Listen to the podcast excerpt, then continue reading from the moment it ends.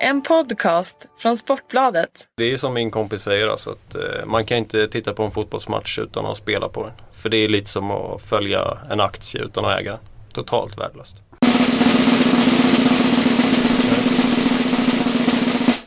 Hallå, hallå, hallå, hallå, hallå och välkomna till Sportbladets spelpodd. Eh, Det är Fredrik och Fredrik den här veckan. Fredrik Jönsson och Fredrik Pettersson. Hallå, hallå. Hur står det till?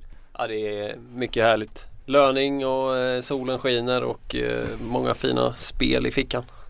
Ska du spendera hela lönen, halva lönen eller tar du liksom och lira en viss typ från din kassa? Eller du kanske har en sån fet kassa liggandes på något bolag så du behöver inte röra lönen. Jag är ju så disciplinerad va, så att jag kör ju procent, procent, bara procent. Gött. Och då är det ju tur att jag har så låg lön så att det blir en ganska liten. Mm, det blir inte så mycket. Nej. Jag kör nog på känsla där också tror jag. Det som känns bäst det lägger jag in. Mm. Vilket kan låta lite konstigt. Är det bäst? Är det 10 procent? 20 procent? Jag tar alltid runda. Jag gillar när man gör de här eh, avrundningarna på kontot. Att du har Ja, x antal och så, klassisk. och så tycker du att nej jag måste runda av och så skickar man iväg en bit och så sitter den givetvis då. Och så tycker man att mm, varför tryckte jag inte in lite mer deg? Du, du tror inte riktigt på Nej. spelet när du bara vill ha ett snyggt saldo på kontot. Precis. Så att man har mer flit att den kanske går in. Vi tar och kikar på Stryktipset. Direkt här. Det är eh, en ganska svettig omgång tycker jag. Om man tänker vad som finns i potten för flera olika lag. Vi har Burnley-Leicester som är en eh, sjupoängsmatch tror jag Kalle Karlsson sa till mig igår när vi satt med Premier League-podden. Vi har Crystal Palace Hall där Hall definitivt behöver poäng. Vi har Newcastle som är i fullständigt usel form. Vi har QPR som behöver poäng. Vi har Sunderland mot Stoke. Sunderland behöver poäng. Alltså det är så här, sen kommer fulla Middlesbrough, alltså det finns ju mycket motivationsspel som helst här egentligen. Går man på alla dem eller är det någonting du känner som inte kommer levereras? Alltså, det, är mycket, det är mycket ångestmatcher här. Samtidigt är det svårt som vi, vi var inne på här innan sändning. Som Stoke mot Sunderland till exempel. Sunderland har allting att spela för. Stoke har absolut ingenting att spela för. Nej. Och det är ju Stoke kan spela avslappnat samtidigt som det, då går det dåligt för Sunderland. Då kan det låsa sig liksom. Mm. Samtidigt får de ett tidigt mål. Då, hur är viljan från Stoke att ge det där, liksom de där 5 procenten extra som krävs. Nu vänder de ju mot eh, Southampton Absolut. senast väldigt starkt. Men eh, Southampton var inte riktigt i samma läge som Sunderland heller. heller. De eh, spelar inte med kniven mot strupen som de gör. De ligger ju, Sunderland ligger på, vad har de, 29 poäng va? Precis ovanför strecket. De Mm. har eh, Hull och Leicester bakom sig på 28 och eh, sen Queens Park och Burnley på 26. Så det är ett riktigt getingbo där nere. Ja, de måste vinna. Jag kommer nog eh, köra ganska hårt på Sandland faktiskt. Det är ju så att det är klart att Stoke är ett starkt hemmalag. De är sträckat till 57%. Inget konstigt med det. Har besegrat flera lag och kryssat mot ganska starkt motstånd på hemmaplan. Besegrade bland annat Arsenal. Gjorde de inte det? På Britannia. Men Någonstans så har jag eh, Sunderlands avslutningar i minnet från tidigare när Conor Wickham och så vidare vaknade till och gjorde mål mot både City och Chelsea på bortaplan. Var det förra året eller var det året innan va? Det var nog förra året va? De sprattlade till och fixade så att med det i eh, ganska färskt minne även om jag inte kommer ihåg exakt så tror jag att jag kommer sträcka Sunderland. Eh, och eh, sen så eh, kommer jag nog också gå på Leicester om jag skulle välja något. Även om jag tror att jag kommer helgardera där. Sen eh, har vi längre ner eh, Hammarby känns som en bra etta även om de sträcker till 70% match 13. Ja, jag tycker Åtvidaberg har ju inte, inte imponerat sådär jättemycket. Men eh, Hammarby på eh, Tele2 går ju riktigt fort. Det var väl Åge Hareide som sa att Badkar. det var som att spela i ett badkar. Ja, men, eh, nej men det, Hammarby har imponerat faktiskt. De har, eh, de har sett ganska stabila ut. Det var, jag tycker inte att de gjorde bort sig helt mot Malmö senast heller. Även om Malmö givetvis vann eh, klart rättvist så visar de att de kan bjuda på ganska smart fotboll. Och sen har de ju Kennedy som eh, kan göra några riktiga konstmål. Alltså han, Mm. han har en, eh, en vass fot. Så att jag tror absolut, de i nuläget sträcker det på 70% men eh, det känns ganska onödigt att slösa mer tecken där faktiskt. Ja faktiskt även om just Kennedy han gillar ju att mål på de här lite mer eh, stora motståndarna. Det är då han typ liksom vaknar till lite. Det kanske är så när man kommit upp på äldre dagar. Han har ju sagt, han brukar väl säga det själv att han är som bäst i de eh, riktigt stora matcherna Mm. som verkligen Absolut.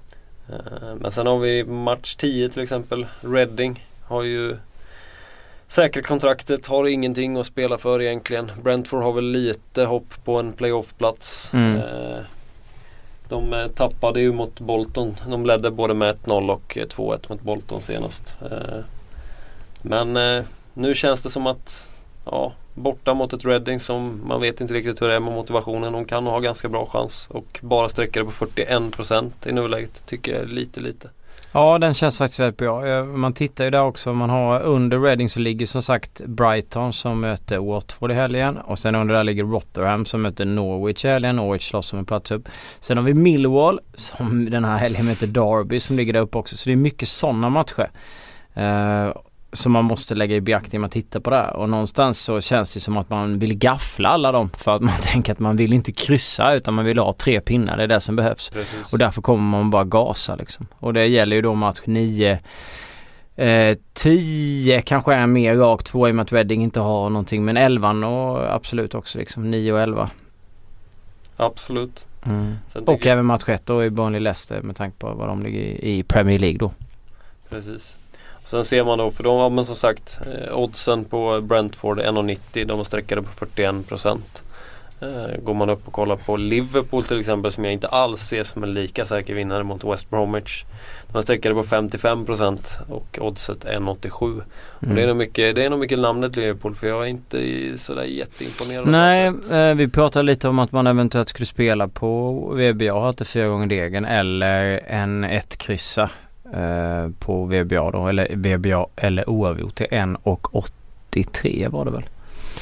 Eh, men eh, den tog vi bort. Men det är i alla fall en tanke på att eh, Liverpool såg otroligt bleka ut mot Aston Villa. Det var ju värdelöst faktiskt. Det var bara den sämsta. Ingen offensiv, ingen tryck i slutet, ingenting egentligen.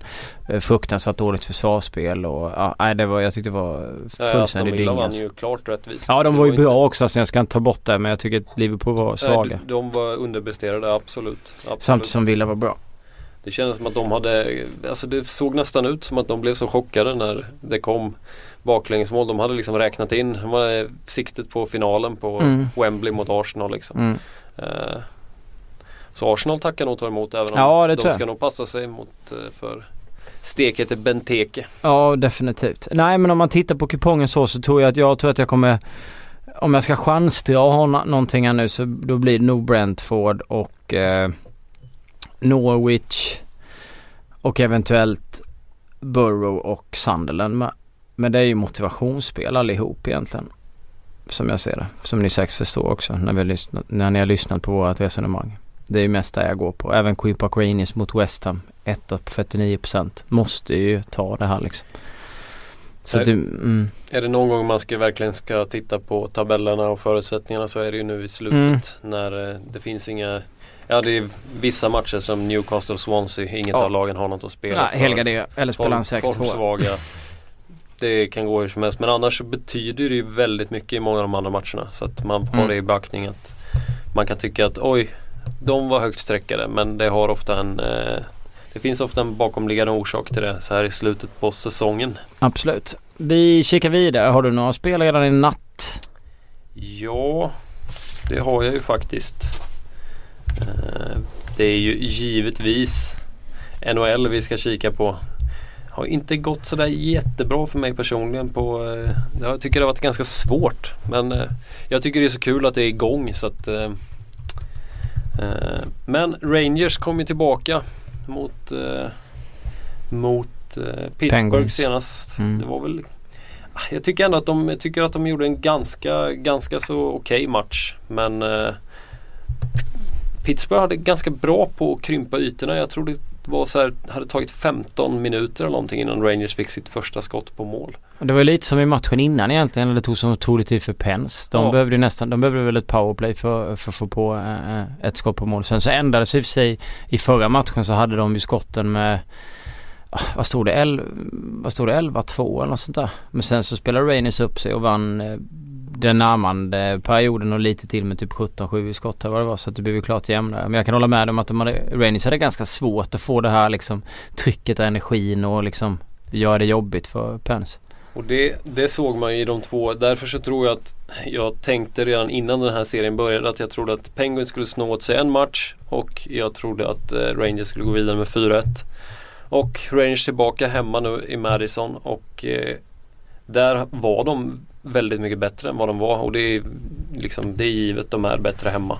Mm. Eh, så att jag, tror att, jag tror att Pittsburgh kommer få det svårt nu. I, eh, de kommer vara tokladdade ha hemmapubliken i ryggen. Så att, eh, jag tror att de kommer avgöra här och jag tror faktiskt inte att det kommer krävas någon övertid för det heller. Matchen, många av matcherna så, Fleury har ju varit ganska bra i Pittsburgh-kassen. Samtidigt så har Rangers varit ganska ineffektivt. Det är många som har haft många bra lägen att faktiskt eh, så att de har kunnat leda med väldigt många puckar. Framförallt har de fått otroligt många powerplay som de inte har lyckats förvalta. Ja, alltså Penguins måste ha spelat, vad är det, 17 eller 18 boxplay. Kan det, eller kan nog vara mer tror jag. Alltså Rangers har varit riktigt dåliga i PP alltså.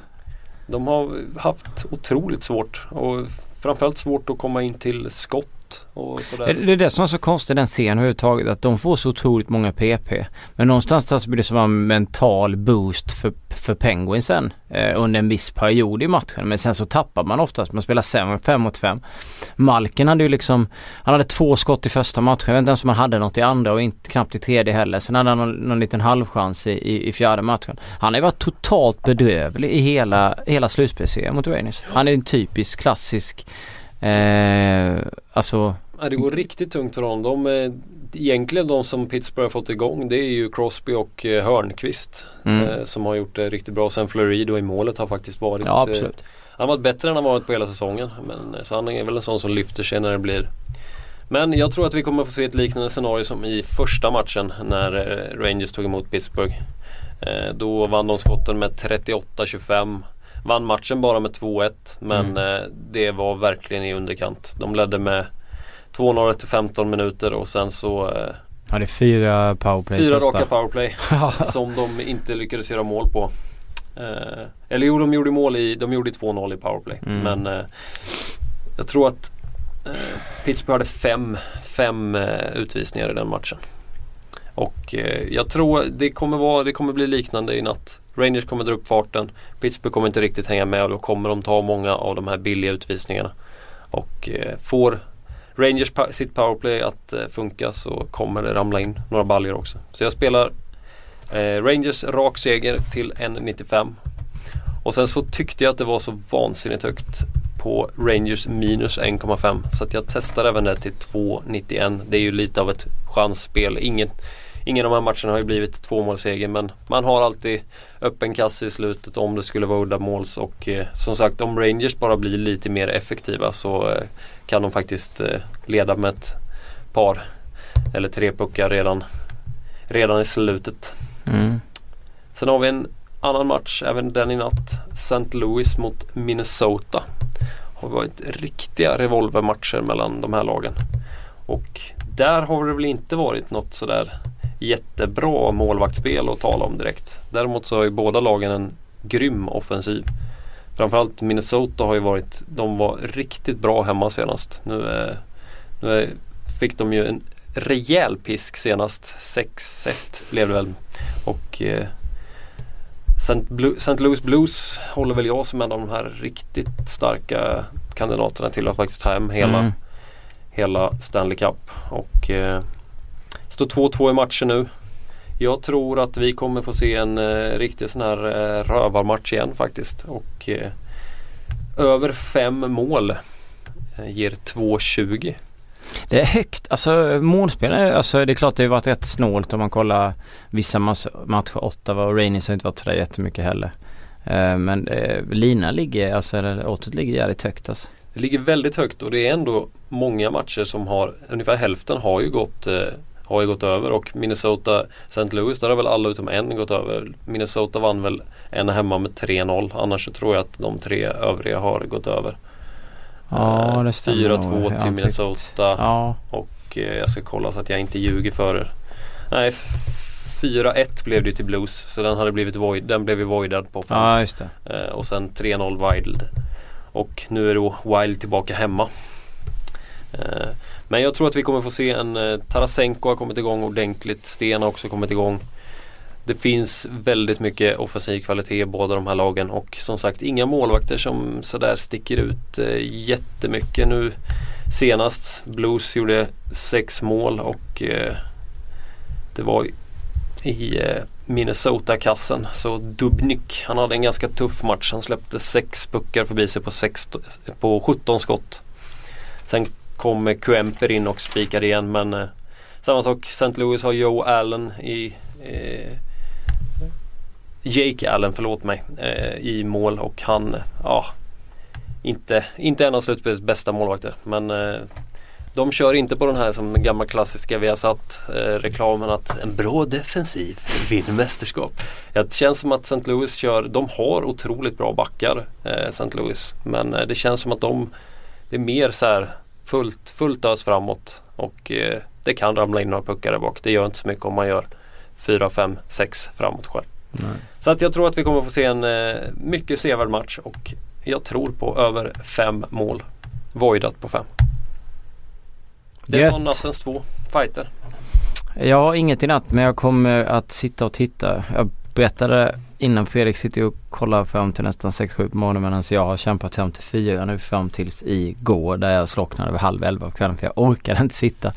Eh, men det är ju fantastiskt med Stanley Cup. Det är ju liksom det går inte att jämföra. Jag såg en period, första perioden mellan Växjö och Skellefteå i, i finalspelet. Och inget ont om svensk hockey men det är ju en enorm skillnad. Det Inramning och hela tiden. Det är klart att det kan vara tryck i liksom vida arena och sådär men det är inte samma sak ändå liksom. Det är två olika sporter. Ja, det är och med att det är mindre arena, det är mindre rink och alltså helt sjuka stjärnor och hela den biten. Målvakten är ju helt stört bra liksom.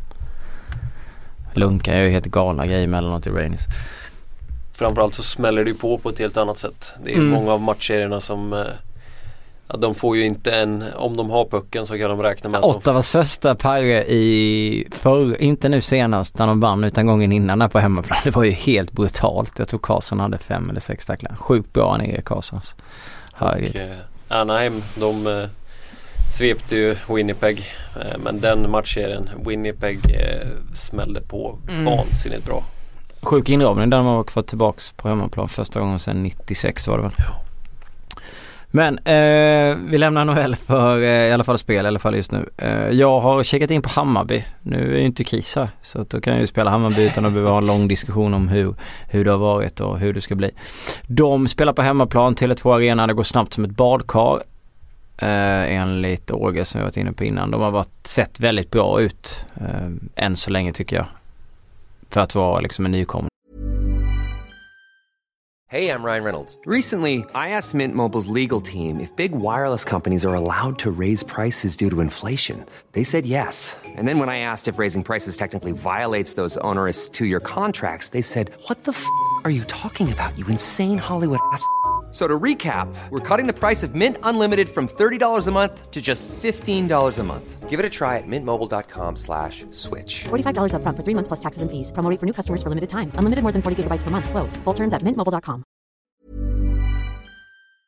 har bra spelare och ser trygga ut och sådär. Så att jag väljer att spela minus ett här mot Åtvidaberg hemma till 2.20. Åtvidaberg tycker jag inte alls ser lika spännande ut. Har Hallingström, mittbacken, avstängd mot eh, Hammarby med vilket jag tror kan störa. Så att minus ett, alltså pengarna tillbaka, 2.20 på Bayern. Sen är det engelsk fotboll för hela slanten. Jag väljer att köra på Watford borta mot eh, Brighton. Watford har ju en eh, teoretisk chans eller ja, en praktisk chans, det beror på hur man ser det. En god chans kan vi säga. Att eh, säkra en plats till eh, Premier League den här säsongen. Nu eller den här helgen menar jag. Man möter alltså eh, Brighton på bortaplanet Brighton. Denna matchen är kvart över ett redan. Ett Brighton som egentligen inte har någonting att spela för medan Watford kan vid seger sätta press på lagen som ligger under Middlesbrough, Norwich och skulle man det räcker inte med ett kryss. Jo, skulle de kryssa så eh, ta Watford det va? Om inte jag har helt fel ute. Watford det står på 85 poäng. Eh, Ja precis. Nu, vi har för mig att vi diskuterade innan vi började sända men ändå kom vi av oss. Men Watford har 85 poäng, kan gå upp 88. Bournemouth har 84, Middlesbrough har 84 och Norwich har 82. Så absolut, kryssa de lagen eller få stryk under där två av dem så är man ju klar liksom. Och de, alltså Watford har varit fantastiska hela, hela 2015, ös på framåt. Ser ingen anledning till att inte backa dem. Eh, med den liksom, ja det de slåss för. Så 1,90 på dem borta mot Brighton tycker jag känns helt fantastiskt bra. Sen väljer jag att spela på eh, ligatvåan i Championship. Det är Bournemouth Bolton. Det är å andra sidan måndag kväll. Det är lite sjukt tycker jag att den matchen inte spelas tidigare utan de ja. får lite tid på sig då. Hur som helst så lär det vara fullt ös som gäller. Bournemouth spelar hemma mot Bolton som inte alls är det Bolton man var tidigare under säsongen. Minus 1,5 på Bournemouth står till 1,85 och där tror jag att man kör från minut 0 till minut 90 och med tanke på hur man har sett ut under säsongen, det Eddie Howe gör med det där laget och den fotbollen man spelar så ser jag inga som helst problem att de inte skulle kunna vinna med två baljer. Så jag kör vidare med engelsk fotboll eller? Det tycker jag. Jag bara tuggar på. Det var ju det här med Stoke Sunderland som kanske är helt ute. Jag har ju dömt ut Sunderland i den här podden och i Premier League-podden och så vidare flera gånger om. Nu möter man Stoke borta, ett Stoke som vände starkt senast sa vi var mot Southampton på hemmaplan. Men har ändå ingenting att spela för har några skador, inte lika många som tidigare under säsongen. Är fantastiskt bra hemma. Så jag har full förståelse för om ni tycker att jag är en idiot och inte backar mig. Men jag tycker att 4,75 på Sunderland är en riktigt bra motivationstvåa. Sanden har en del spelare. Stoke är inte Premier Leagues bästa lag. Även om man är starka hemma.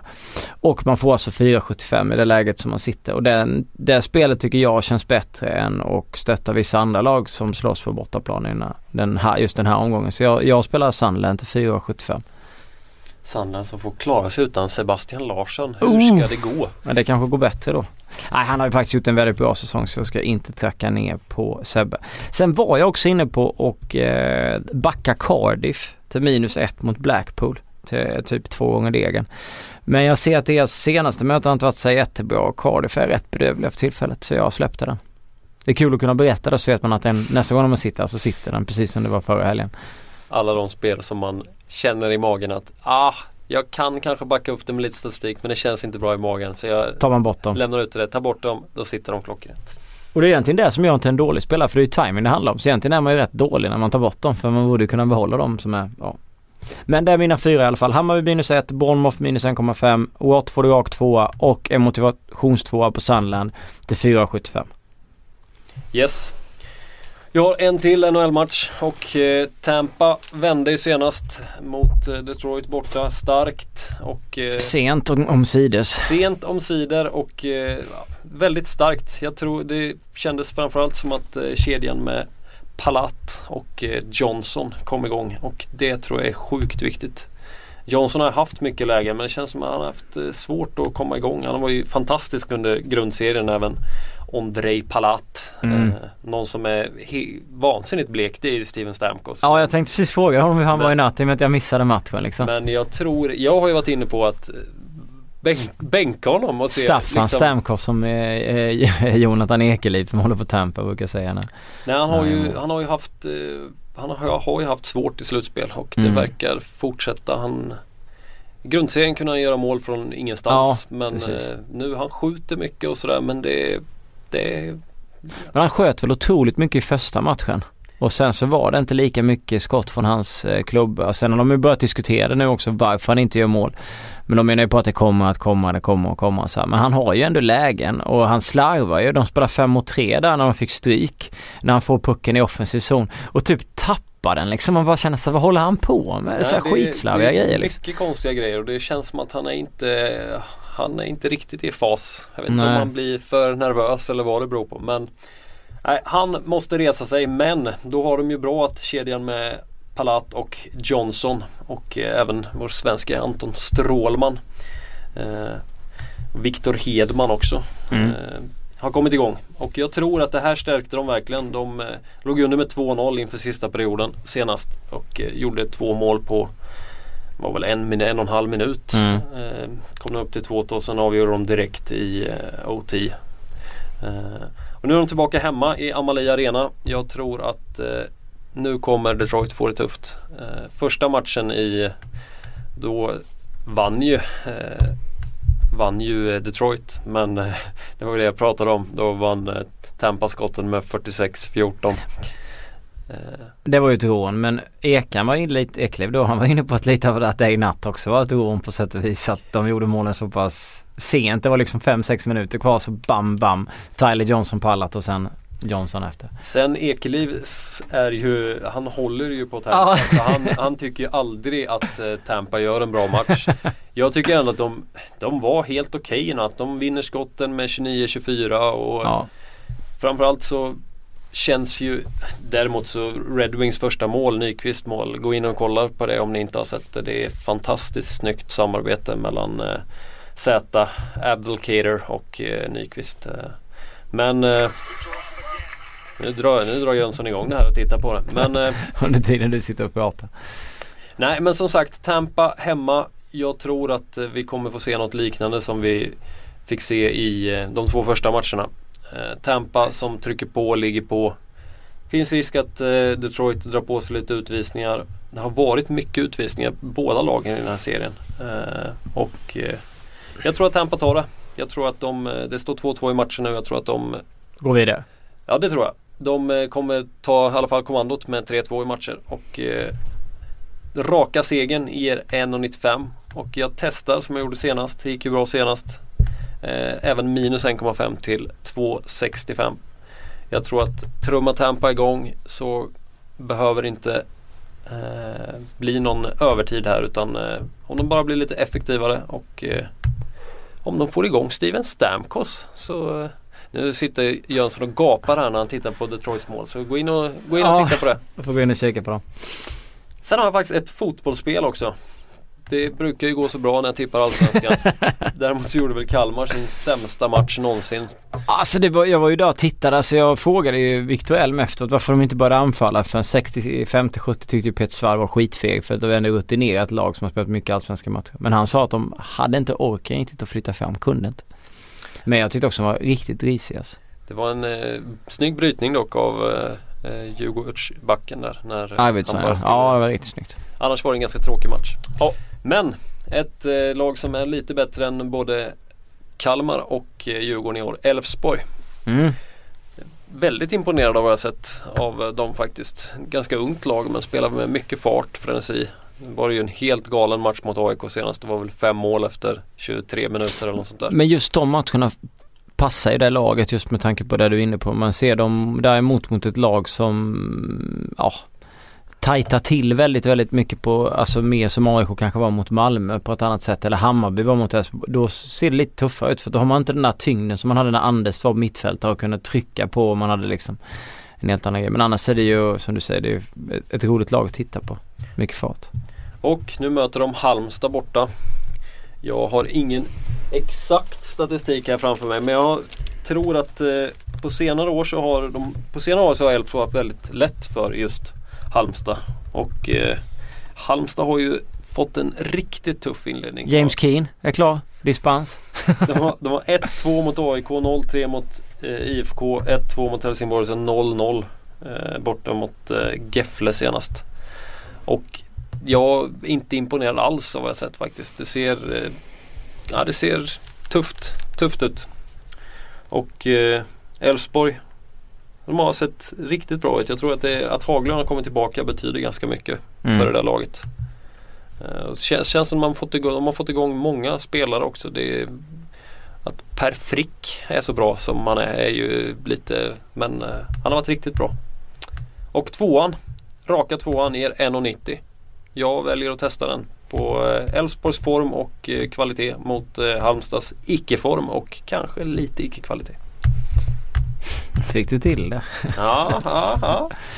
Ja, nej jag är klar med mina spel. Jag hade inte sådär jättemånga. Jag brukar försöka hålla mig till lite motivationsspel så sent på säsongen. Det är lite lättare tycker jag mitt under lunken men nu är det så mycket andra saker som kan, kan spela in. Och man kan inte riktigt lita på lagen på samma sätt. De där som är mitt i för att man, ja.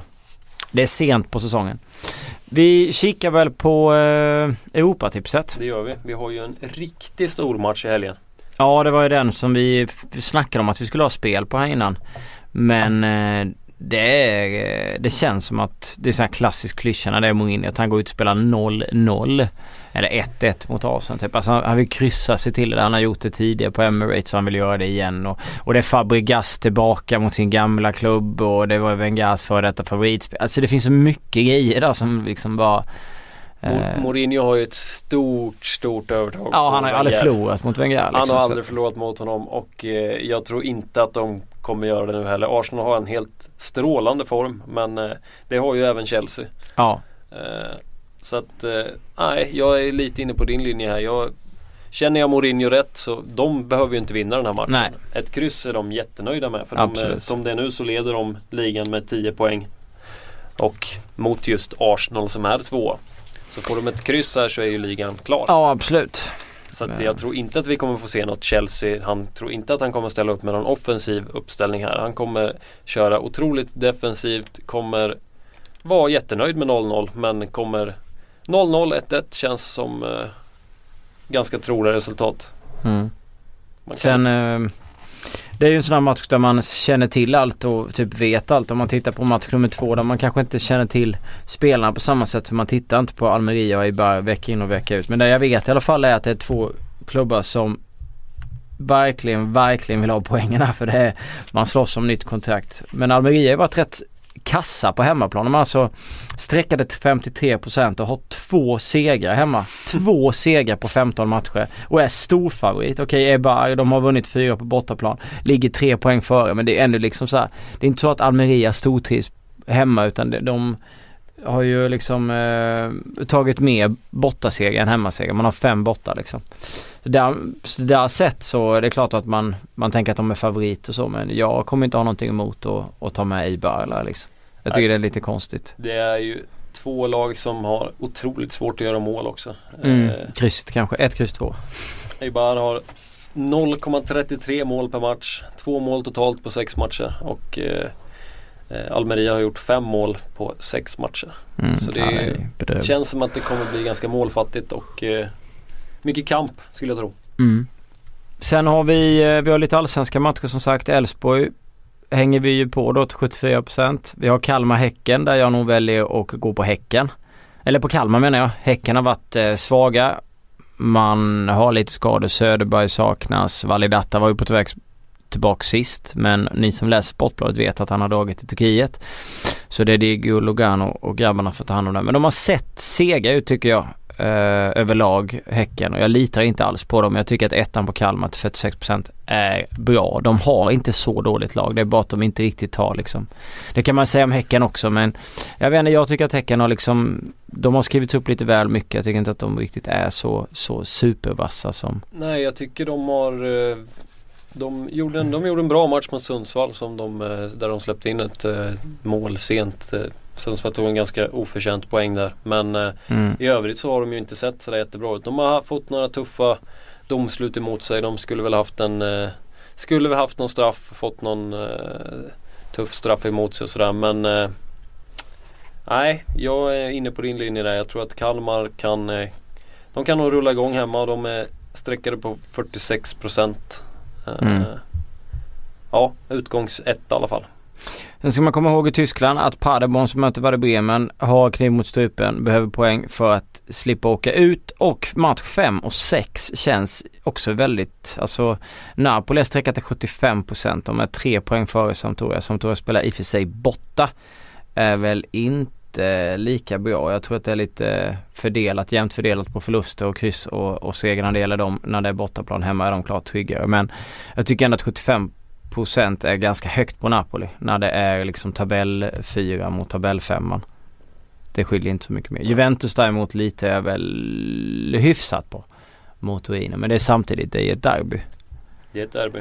Så att eh, man, eh, man får akta sig. Jag vet inte vad som känns bäst om du kollar på den här kupongen på förhand. Är det dina Elfsborg även om 74 är väldigt väldigt mycket? 74 är högt. Jag tycker, jag tror ändå att de har otroligt bra chans. Eh, jag tror även att att jag, alltså, jag skulle nog till och med spika krysset i Arsenal-Chelsea faktiskt. Eh, Jag är ganska säker på att, eller säker ska jag inte vara, men jag, jag, tror att, jag tror verkligen att det kommer bli en ganska tråkig och tajt tillställning. Jag tror att Mourinho kommer han, kom, han vill ha ett kryss och då kommer det bli ett kryss. Det brukar bli så i de matcherna som han Kryss är väl det som han när är bäst att spela på. När han möter Wenger brukar det ja. bli så. Eh, annars AIK, jag vet inte, känns lite högt med 82% mot Örebro som men Örebro har i och för sig varit otroligt dåliga. Så de har underpresterat. Vilket dynggäng. Alltså om man ser till under allsvenska starten. Minus ett mot Ja, eh, så, ja herregud som jag hade. Ja det var ju, jag får ju skämmas liksom. Men alltså jag tyckte att de såg så mycket bättre ut under, under försäsongen. Jag har lovat mig själv att jag tänker inte röra överhuvudtaget under typ inte förrän jag får koll på dem för nu känns de väldigt skakiga. Ja. Men på ett Europatis som jag skulle vara tvungen att sätta då skulle jag nog nästan spika AIK ändå med tanke på hur dåliga Örebro har varit. Det beror på vilket system man kör. Det är ju så många favoriter som är, alltså det är många liksom, eh, alltså man tittar på Real Madrid 81, Napoli 75, AIK 82, Elfsborg 74, Lyon 76. Man måste liksom få bort någon av dem där. Eh, så att så är det. Jag tänker mer att Visst, AIK har sett starka ut men det är Allsvenskan och Örebro som sagt. De såg väldigt bra ut på försäsongen. Kan de hitta tillbaks till det spelet med Gerzic? Och då är 6% suveränt. Det är superbra. Då 12 eh, och 12 på krysset, 6 på tvåan. Då är det väldigt bra. Mm. Kollar, man på, kollar man på oddssättningen så ger AIK 1,58 5,40 på Örebro. Då är också 6% väldigt lite streckat. Absolut. Eh, bästa spelet? Bästa spelet, jag säger eh, St. Louis, Minnesota över fem mål. Det har varit riktigt High Chaparral-matcher så att när linan ligger på 5 och det är 2,20 så eh, tycker jag är väldigt bra. Jag kör stenhårt på badkaret och Hammarby. Minus 1 mot Åtvidaberg till 2,20. Tack ska ni ha för att ni har lyssnat på oss. Eh, följ med oss på Twitter och lyssna igen nästa vecka. Ha en bra helg så hörs vi. Ha det gött!